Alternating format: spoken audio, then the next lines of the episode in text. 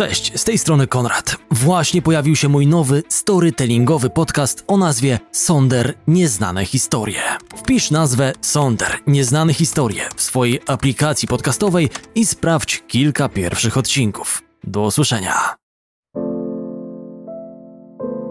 W filmie Diamenty są wieczne, jednym z odcinków przygód Jamesa Bonda, podstarzały kabareciarz opisuje dawno niewidzianego publicznie milionera słowami.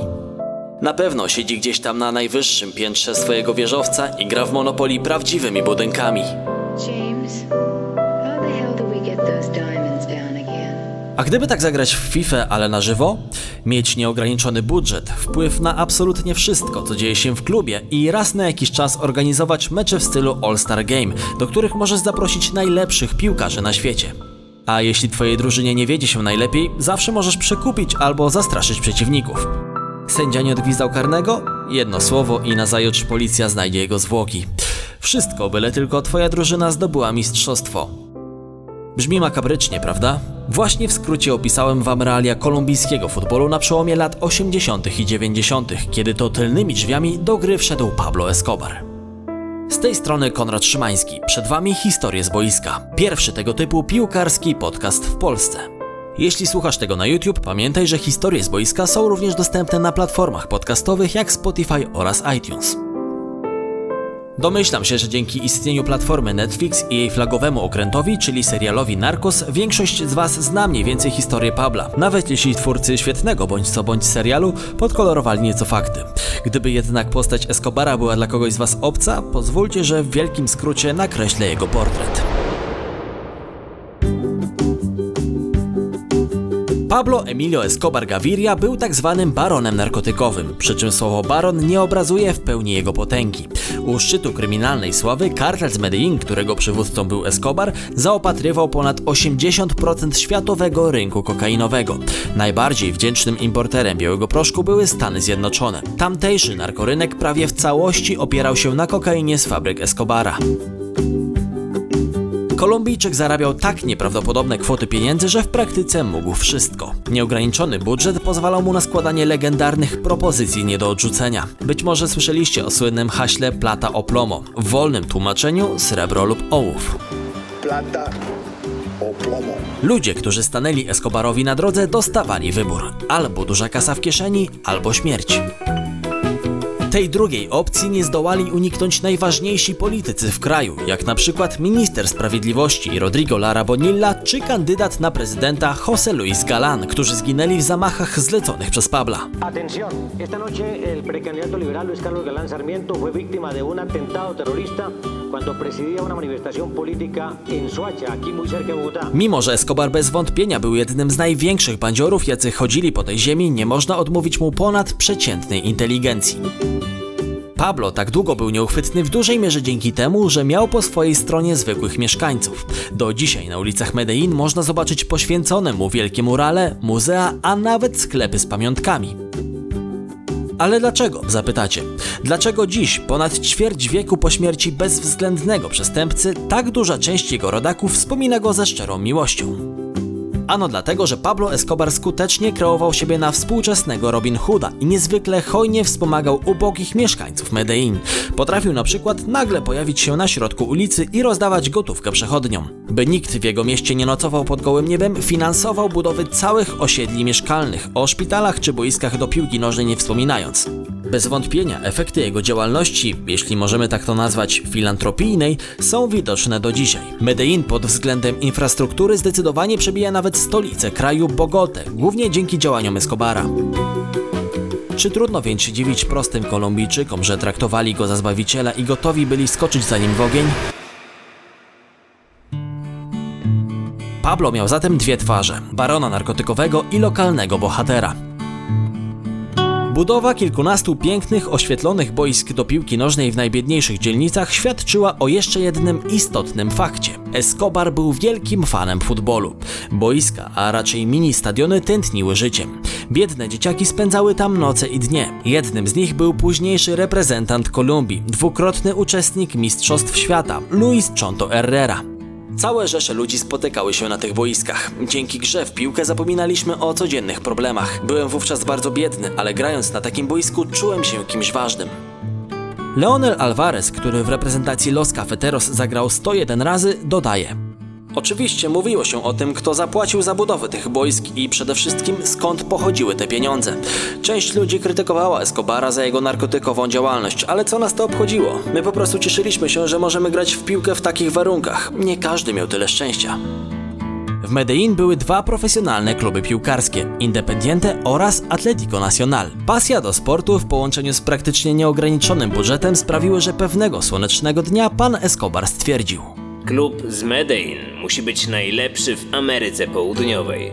Koniec, klamka zapadła. Pomysł, aby zaangażować się w ciche finansowanie lokalnego klubu, ponoć podsunął mu jego brat Roberto, nazywany księgowym kartelu. Według niego klub piłkarski miał być idealną pralnią brudnych pieniędzy. Pablo z chęcią wszedł w ten biznes, rzecz jasna nieoficjalnie, jednak była to tajemnica Poliszynela.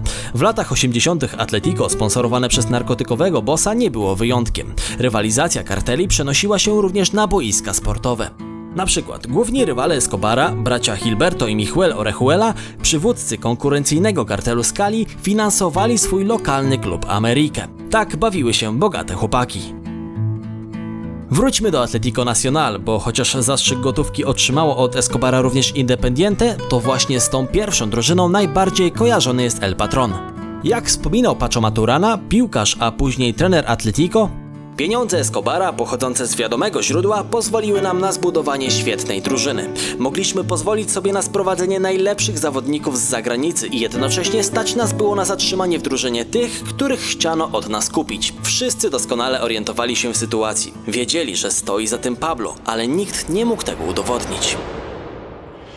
Dzięki tym funduszom Atletico Nacional personalnie rosło w siłę. Symbolami drużyny byli bramkarz René Higuita i obrońca Andres Escobar, w żaden sposób niespokrewniony z Pablem. Kolumbijczyków o tym nazwisku jest mnóstwo. Dwa przeciwieństwa. Pierwszy o wdzięcznym pseudonimie Loco, czyli wariat, wybiegający z bramki prawie do połowy boiska, dryblujący, strzelający goly ze stałych fragmentów gry, który kilka lat później zasłynął w meczu z Anglią, gdy obronił strzał Jamie'ego Rednapa piętami. Na pewno to widzieliście.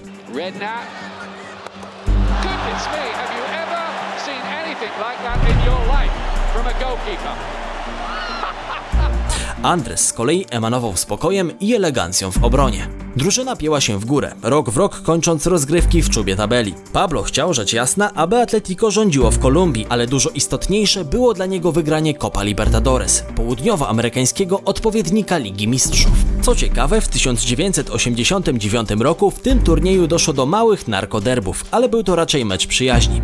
Już w fazie grupowej Atletico spotkało się z Millonairos, klubem z Bogoty, którego cichym sponsorem był wspólnik Escobara, Gonzalo Rodriguez Gacha, zwany Meksykaninem. Wówczas górą był Gacha, ale gdy obie ekipy spotkały się ponownie, już w ćwierćfinale triumfował El Patron. Kiedy pewnie kroczące po końcowe zwycięstwo rozpędzone Atletico przegrało w pierwszym meczu finałowym z paragwajską Olimpią Asuncion 0-2, wydawało się przez moment, że stare porzekadło pieniądze nie grają będzie miało uzasadnienie. Rewanż ze względu na większą pojemność stadionu rozegrano nie w Medellin, a w Bogocie. Pablo oczywiście pojawił się na trybunach. Oficjalnie jako kibic Atletico, nieoficjalnie zaś jako właściciel, prezes, pan i władca klubu z Medellin. Nie zaskoczę was pewnie mówiąc, że Atletico doprowadziło do remisu, wygrywając rewanż dwoma bramkami, ostatecznie pokonując Olimpię w rzutach karnych. Nigdy nie widziałem Pabla w takim stanie. Wspominał John Velázquez Vázquez, pseudonim Popey, morderca na usługach Escobara. Zazwyczaj Pablo był stonowany i zimny jak lód. Na meczu jednak skakał i krzyczał za każdym razem, gdy piłka lądowała w siatce. Był w niesamowitej euforii. Warto wspomnieć o tym, że Popey wyszedł z więzienia w 2014 roku i napisał książkę, na podstawie której nakręcono serial Narcos. Ponadto założył kanał na YouTube, który subskrybuje ponad milion osób. Wśród nich znajdziemy rzesze fanów, którym nie przeszkadza to, że były płatny morderca przyznaje się do zabicia ponad 250 osób na zlecenie Pabla. Escobar dopiął swego. Jego klub był najlepszy na kontynencie. Zwycięstwo w rozgrywkach Copa Libertadores nie zostało jednak ciepło przyjęte przez piłkarski świat. Co róż pojawiały się nowe informacje na temat zastraszania sędziów. A o ile jeszcze w przypadku wspomnianych braci Orejuela, którzy na potęgę ustawiali mecze Ameryki Kali wyłącznie za pomocą hojnych łapówek, ludzie Escobara grozili arbitrom pozbawieniem życia. Książce Michaela Butterwortha Sport and Militarism pojawia się również makabryczna, choć raczej przesadzona teza, jakoby Pablo miał przed meczem zapowiedzieć sędziom. Nacional wygra albo wszyscy zginą. Lata później Juan Bava, argentyński arbiter, który miał średnią przyjemność sędziowania jednego z meczów Atletico, opowiedział w wywiadzie, że dostał propozycję plata o plomo, trzymany na muszce przez cyngli Escobara. Zapewniał, że mimo przyjęcia pieniędzy nie wypaczył wyniku, bo Atletico swój mecz spokojnie wygrało, ale do historii przeszło jego stwierdzenie. Gdyby w 90 minucie był remis, sam strzeliłbym bramkę dla Atletico, w samo okienko.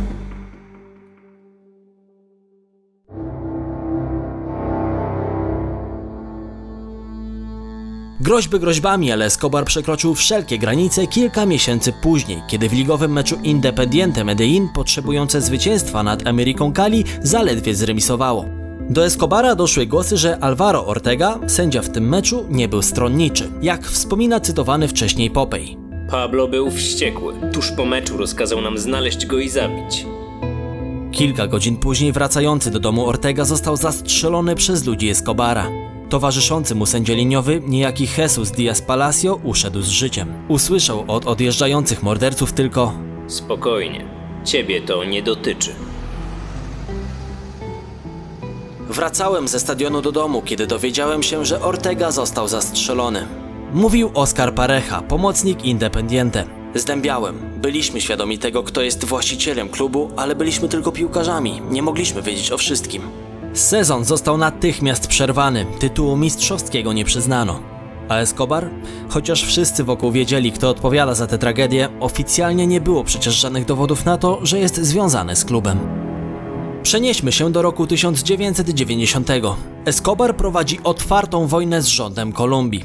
Kto próbuje stanąć na jego drodze, ginie. Zleca morderstwa, zamachy, a jego imperium narkotykowe funkcjonuje w najlepsze. Nowo zaprzysiężony prezydent Kolumbii Cesar Gaviria wpada na pomysł małego kompromisu, który dałby odsapnąć zmęczonemu terrorem kraju. Wychodzi do Escobara z propozycją poddania się w zamian za łagodniejszy wyrok, który miał wynieść nie więcej niż 5 lat.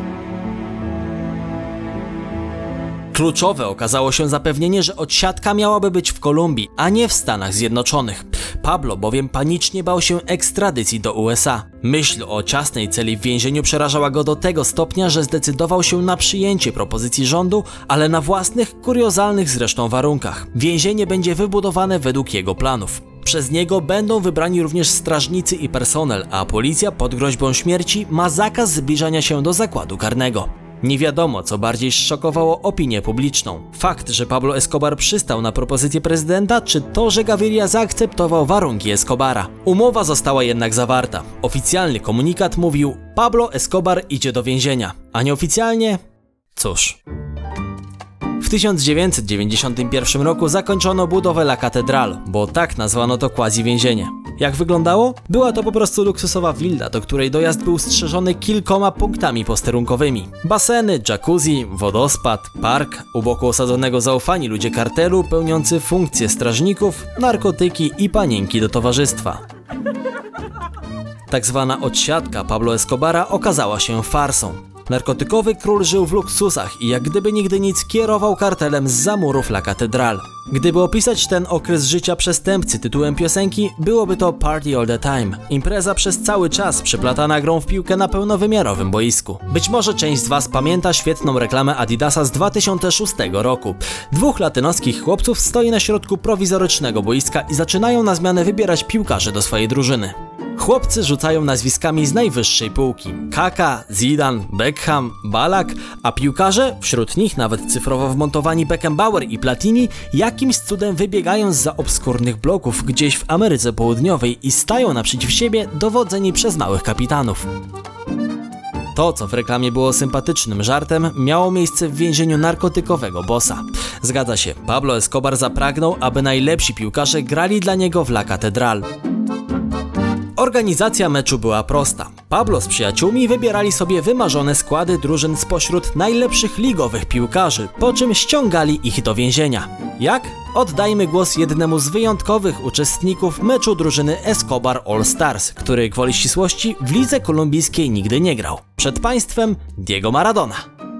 W 1991 roku dostałem wiadomość, że pewna bardzo ważna osoba organizuje w Kolumbii mecz towarzyski i chce zapłacić mi za udział niewyobrażalną sumę pieniędzy. Dowiedziałem się, że zagra tam również wielu znanych mi piłkarzy, m.in. René Higuita. Kiedy jechaliśmy na miejsce, zorientowałem się, że jedziemy do jakiegoś więzienia. Mijaliśmy uzbrojonych po zęby strażników. Zacząłem panikować. O co tu chodzi? Jestem aresztowany? Po dojechaniu na miejsce nie zobaczyłem jednak żadnego więzienia, a coś w rodzaju luksusowego hotelu. Ktoś zaprowadził mnie do organizatora całego przedsięwzięcia. Stanąłem przed tym mężczyzną i usłyszałem: To jest El Patron, szef. Wówczas nie czytałem gazet ani nie oglądałem telewizji, więc nie wiedziałem, kim jest Pablo Escobar. Porozmawialiśmy w jego biurze. Powiedział mi, że bardzo mnie ceni oraz identyfikuje się ze mną, bo obu nam udało się wyjść z biedy.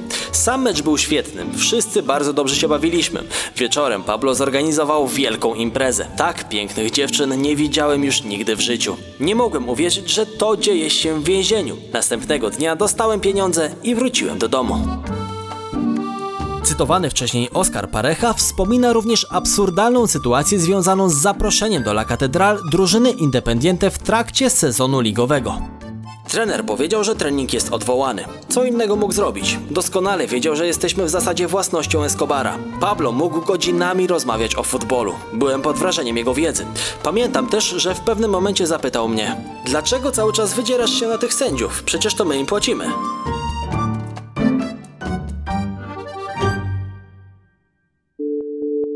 Escobar uciekł z La Catedral w 1992 roku, po tym jak dowiedział się, że władze planują przeniesienie go do innego miejsca odosobnienia. Wówczas sielanka skończyła się bezpowrotnie. W polowaniu na Escobara zjednoczyły się amerykańskie siły specjalne Delta Force, Navy Seals i jednostka specjalna kolumbijskiej policji pod nazwą Serge Block. Do tego żądne zemsty ofiary działań Escobara przy wsparciu konkurencyjnych karteli, działające wspólnie pod nazwą Los Pepes. Opuszczony przez wspólników Pablo nie miał większych szans.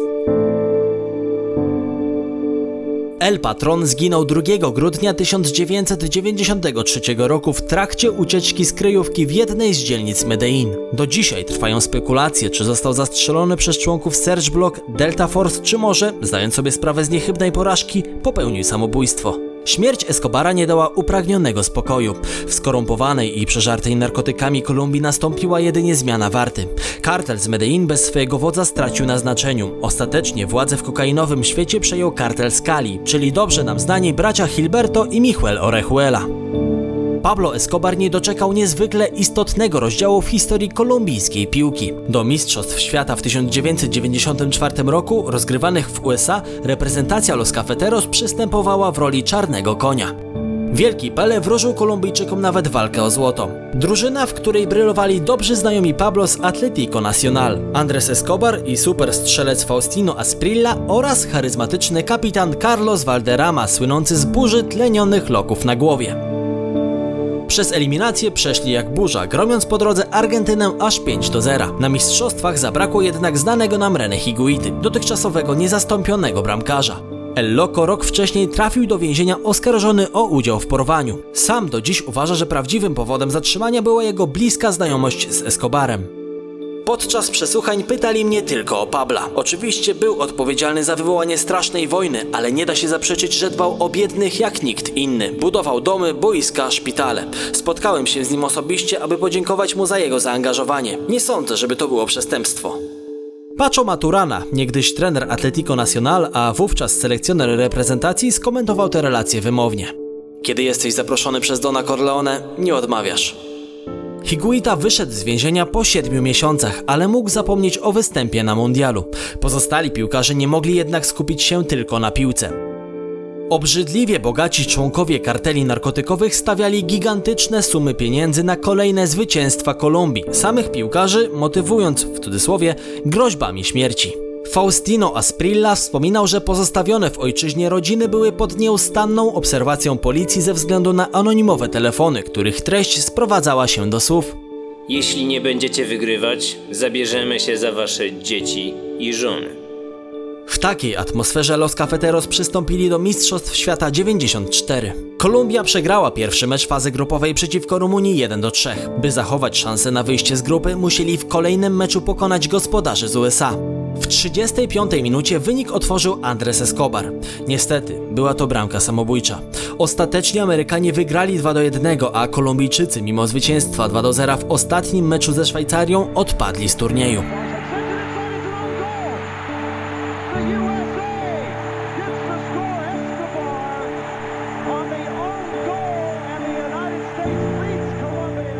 Jesteśmy smutni i rozczarowani, ale to tylko piłka. Żyje się dalej. Powiedział po meczu z USA pechowiec Escobar. Filar Atletico Nacional, który zawiódł w najważniejszym momencie, jeszcze nie wiedział, że tą bramką wydał na siebie najwyższy wyrok. Niecały tydzień później Andres Escobar spotkał się ze znajomymi w centrum rodzinnego Medellin. Około trzeciej nad ranem wracał samotnie do domu, kiedy drogę zastąpiło mu trzech nieznajomych. Dwóch wyciągnęło pistolety, jeden nacisnął na spust. Piłkarza nie udało się uratować. Andresa dosięgnęło sześć kul. Podobno zabójca po każdym strzale krzyczał gol. Jeszcze tej samej nocy został złapany przez policję. Humberto Munoz Castro, bo tak nazywał się morderca, był osobistym kierowcą i ochroniarzem jednego z członków kartelu. Przyznał, że jego szef na odpadnięciu Kolumbii stracił mnóstwo pieniędzy. Mimo skazania na 43 lata więzienia, Munoz odsiedział zaledwie 11. Wyszedł za dobre sprawowanie. Ta tragedia tylko potwierdziła, że czasy Pablo Escobara minęły bezpowrotnie. El Patron przy całej swojej bezwzględności z pewnością nie pozwoliłby na zastraszanie piłkarzy, szczególnie wywodzących się z jego Medellin. Imperium Escobara upadło, ale wojny między kartelami trwają nadal. Kolumbia wciąż jest krajem ubogim, pełnym patologii, narkotyków i korupcji. Ta historia nie ma szczęśliwego zakończenia, ale takowego mieć nie mogła. Gorzko brzmią cytowane wcześniej słowa Chonto Herrery o tym, jak boiska ufundowane przez Escobara pozwalały młodym chłopakom zapomnieć o kłopotach. Często słyszy się romantyczne historie, w których pada oklepany frazes piłka uratowała mu życie. Kolumbii okresu El Patrona piłka mogła życie odebrać.